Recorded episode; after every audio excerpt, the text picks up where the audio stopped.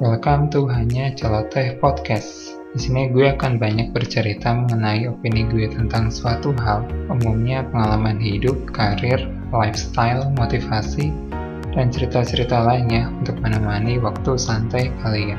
So stay tune di podcast ini dan selamat mendengarkan.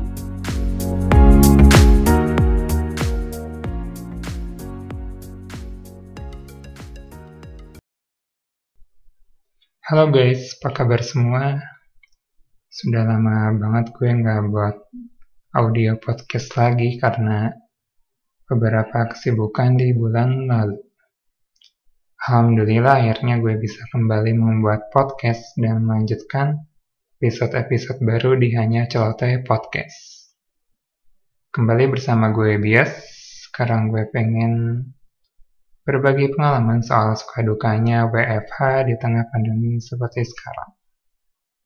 Dan apa yang gue alami lalu rasakan mungkin juga buat kalian yang saat ini banyak menjalani aktivitas di rumah pasti memiliki cerita yang unik.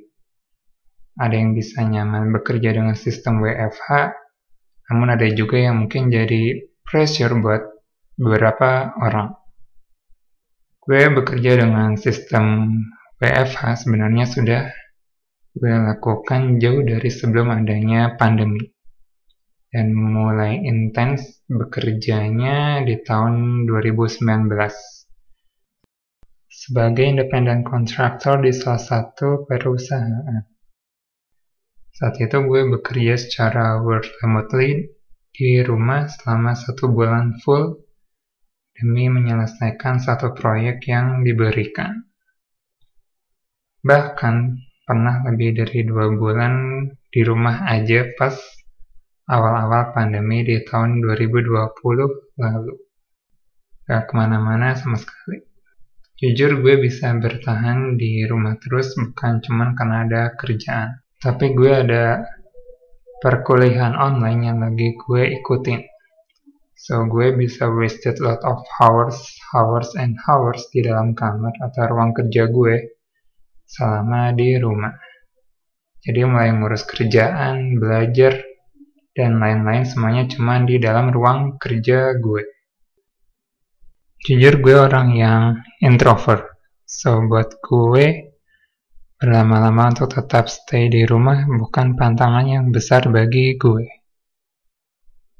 Sekarang gue bekerja full time di perusahaan game development. Sempat gue berpikir kalau di hire, semoga bisa keluar dari rumah atau maksudnya bisa berada di lingkungan yang baru. But I was wrong. Karena pandemi ini berkepanjangan, akhirnya gue tetap WFH lagi. Soalnya studio atau perusahaan tersebut belum bisa merelokasi gue ke tempat mereka. Selain karena faktor keamanan serta pastinya kesehatan. So, optionnya adalah ya WFH karena mungkin itu yang paling realistis menurut studio tempat gue bekerja. Dan mungkin juga bisa jadi permanen kalau situasi sekarang masih terus berlanjut. Meskipun gue sudah cukup terbiasa bekerja work remotely di rumah, bukan berarti tidak ada hal-hal yang mungkin membuat gue merasa burnout. Atau kadang pernah walaupun sesekali seperti anxiety. Maksudnya adalah namanya juga di rumah. Artinya situasi di rumah dengan di kantor itu sudah pasti berbeda. Namun keduanya selalu ada sisi plus dan minusnya. Untuk yang di rumah, hal yang pertama yang harus gue lakukan adalah membuat ruang kerja di rumah bisa senyaman atau sama kondusifnya seperti bekerja di kantor. Jujur ini sangat tricky banget. Karena kalau di kantor sudah jelas iklim kerjanya adalah iklim untuk siap kerja. Jadi ketika orang masuk kantor dia bisa langsung menggunakan fasilitas yang ada di kantor untuk bekerja. Berbeda dengan di rumah. Tentunya gue harus menyiapkan sendiri fasilitas-fasilitas tersebut, mulai dari komputer, dan pastinya internet yang mumpuni selama gue bekerja di rumah, serta pastinya ruangan yang proper untuk gue bekerja. Selama bekerja di rumah, yang namanya masalah selalu ada. Begitu juga kalau bekerja di kantor. Selama WFH di tempat gue bekerja sekarang, masalah yang gue alami di sini adalah ketika ada technical problem. Kalau di kantor gue bisa langsung berinteraksi dengan orang yang kompeten untuk membantu gue menyelesaikan masalah yang gue hadapi. Dan biasanya saat itu langsung bisa di follow up. Pengalaman itu tentunya berbeda dengan ketika gue bekerja dari rumah. Pas ada technical problem, mau gak mau gue harus bisa ngehandle sendiri. Memang ada bagian technical support advisor yang akan ngedirect gue untuk menyelesaikan masalah yang gue alami. Tapi yang gue alami adalah semua itu perlu effort lebih karena gue harus proaktif dalam arti kadang-kadang gue harus turun tangan sendiri kalau ada hal-hal yang mungkin tidak bisa dihandle secara remote ketika ada technical problem di komputer gue pribadi. Alhasil kalau ada case soal technical kayak gitu, kadang bisa buat pekerjaan gue ikut ke pause, yang akhirnya jadi delay untuk delivery kerjaannya. Belum lagi kalau technical supportnya lagi offline atau lagi pergi di saat gue butuh bantuan dia. Udah deh, tambah lama lagi delivery kerjaannya. Karena kalau sudah delay, pasti dari pihak production bakal nanya kenapa kok belum selesai dan kapan selesai pekerjaannya. Tapi memang itu adalah part yang akan gue alami sama gue bekerja di rumah. Jadi sebisa mungkin gue berusaha untuk selalu siap atau mempersiapkan diri ketika ada case kayak gitu lagi. Setelah itu, gue ingat beberapa bulan lalu, mungkin tepatnya di bulan Ramadan sempat ramai soal babi ngepet. Kayaknya pasti tahu beritanya seperti apa. Cuman yang gue underline di sini adalah di zaman yang katanya sudah revolusi industri 4.0, serius praktek seperti itu masih ada di zaman sekarang. Apalagi dekat dengan perkotaan. To be honest, sekalipun gue bukan korban fitnah secara langsung, tapi gue merasa sedikit tersinggung dan empati terhadap fenomena tersebut. Kenapa? Bahwa di zaman sekarang, di mana orang pada bekerja di rumah, untuk sebagian orang, bekerja di rumah itu masih sangat tabu. Artinya ada sebagian orang yang mungkin masih konservatif. Jadi mereka tidak mau atau mungkin lingkungannya kurang mendukung untuk bisa mengetahui informasi atau peluang-peluang seperti bekerja dari rumah. Yang sebenarnya peluang seperti itu sudah ada dari beberapa tahun silam. Gue jujur nggak tahu pastinya kapan, tapi tren bekerja secara work remotely dari rumah atau WFH itu sudah ada cukup lama. Apalagi di tengah pandemi seperti sekarang, loker-loker untuk bisa bekerja secara WFH sudah bertebaran di mana-mana. Artinya, di tengah pandemi ini, ada banyak peluang yang bisa digali lebih dalam. Gue yakin kalian yang saat ini mendengarkan podcast gue adalah orang-orang yang tahu peluang tersebut. Tapi di sini niat gue hanya ingin berbagi info saja ya, tentunya info yang gue tahu. Untuk locker sendiri, yang lagi open for new position cukup banyak di bidang IT dan juga kreatif. Contohnya seperti perusahaan software developer, kayak mobile apps developer, game developer, web developer, dan developer-developer lainnya.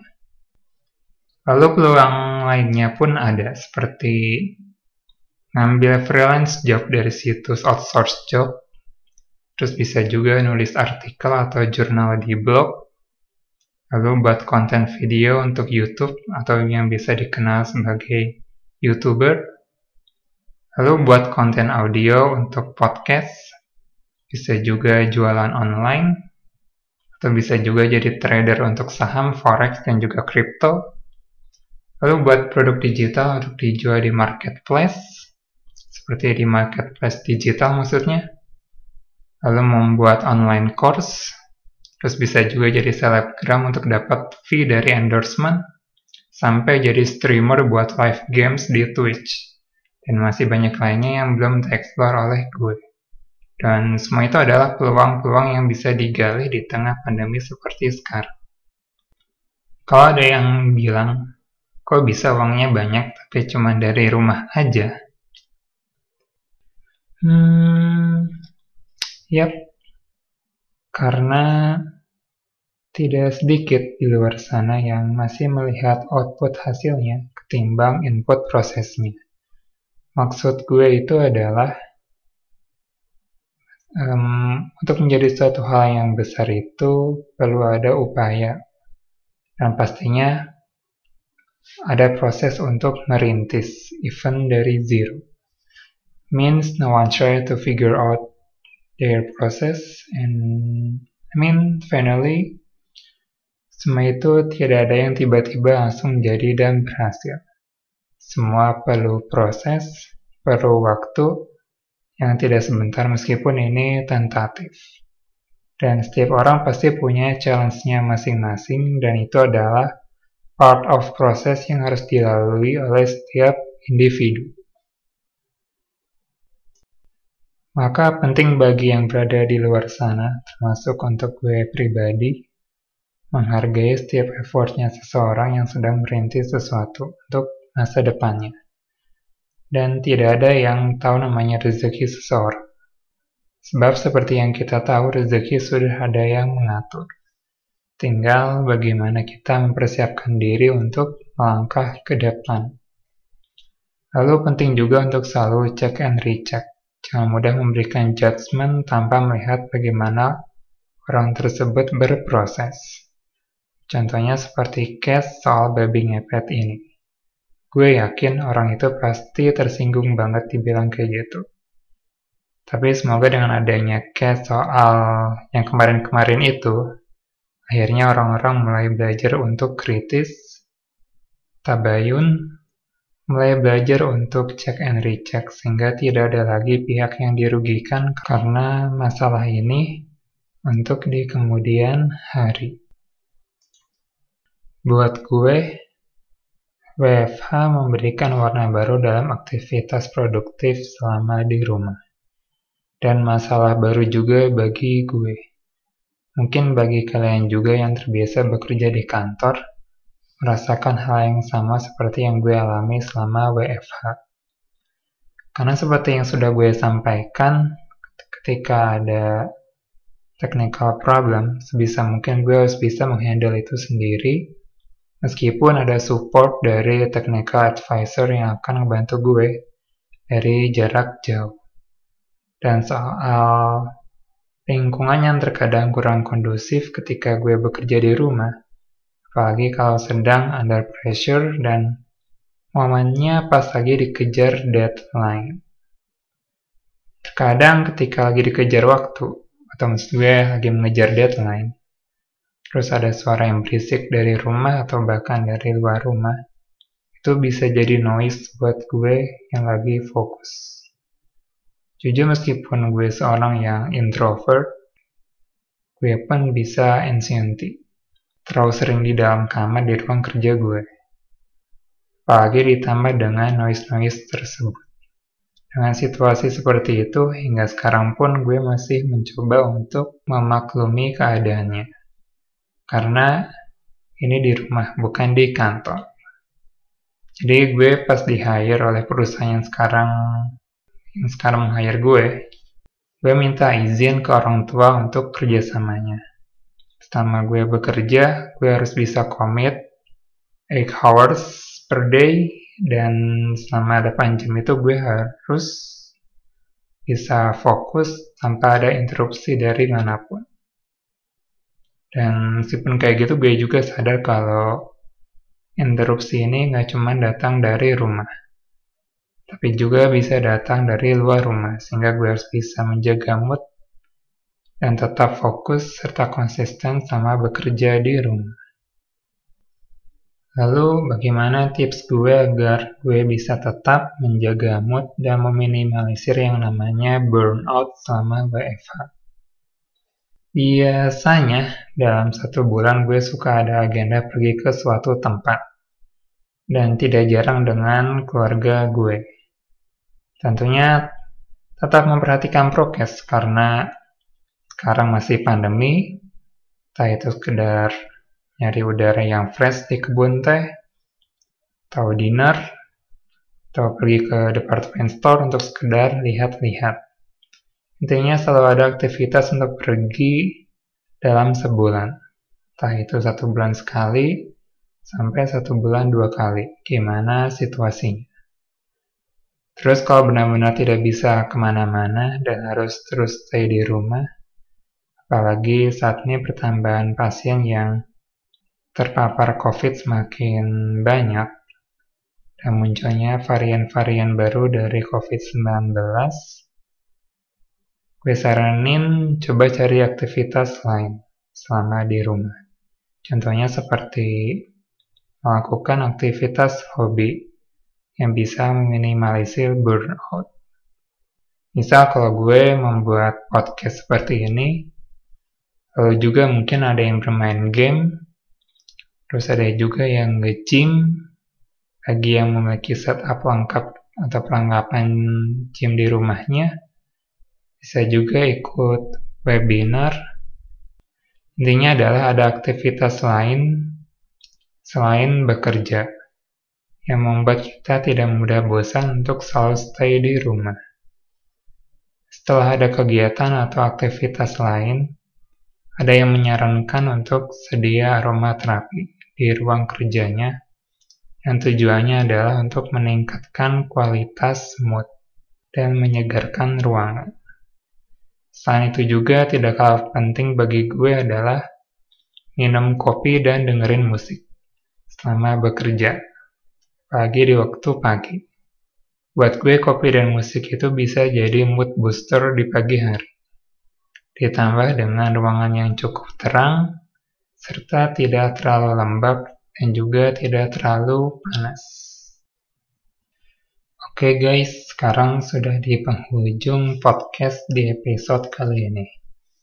So, konklusi dan recap dari gue adalah gue sadari pandemi ini telah merubah banyak hal bahkan di seluruh industri dari hulu sampai hilir ikut terdampak gara-gara covid ini. Semua orang dituntut untuk bisa survive di kondisi seperti sekarang. Gue pun mengakui kalau tidak semua bidang bisa dibuat WFH. Maksud gue WFH. Termasuk juga teman gue, kerabat gue, saudara gue selama pandemi ini. Ada yang sama sekali tidak pernah WFH.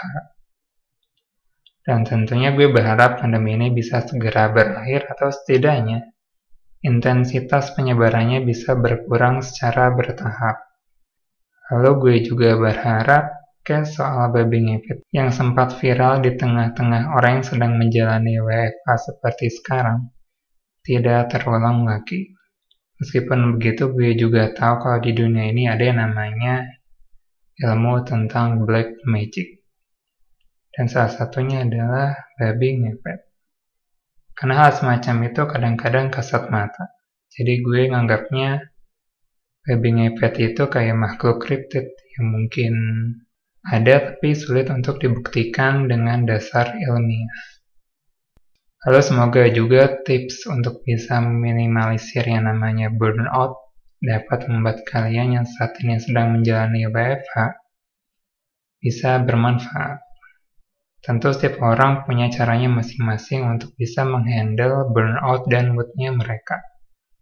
Namun apa pun itu gue berharap itu bisa membuat kalian semakin produktif selama menjalani aktivitas WFH dan juga SFH.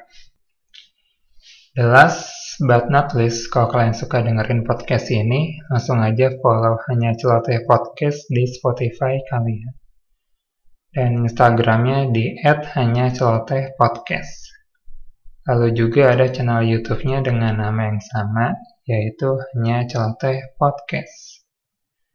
Bagi kalian yang ingin berbagi cerita, baik itu pengalaman pribadi soal karir, pengalaman selama WFH dan juga SFH, cerita inspiratif, pengalaman bagaimana kalian bisa survive hingga di titik sekarang, dan cerita-cerita yang unik, boleh banget kalian bisa share di Hanya Celoteh Podcast melalui alamat email berikut.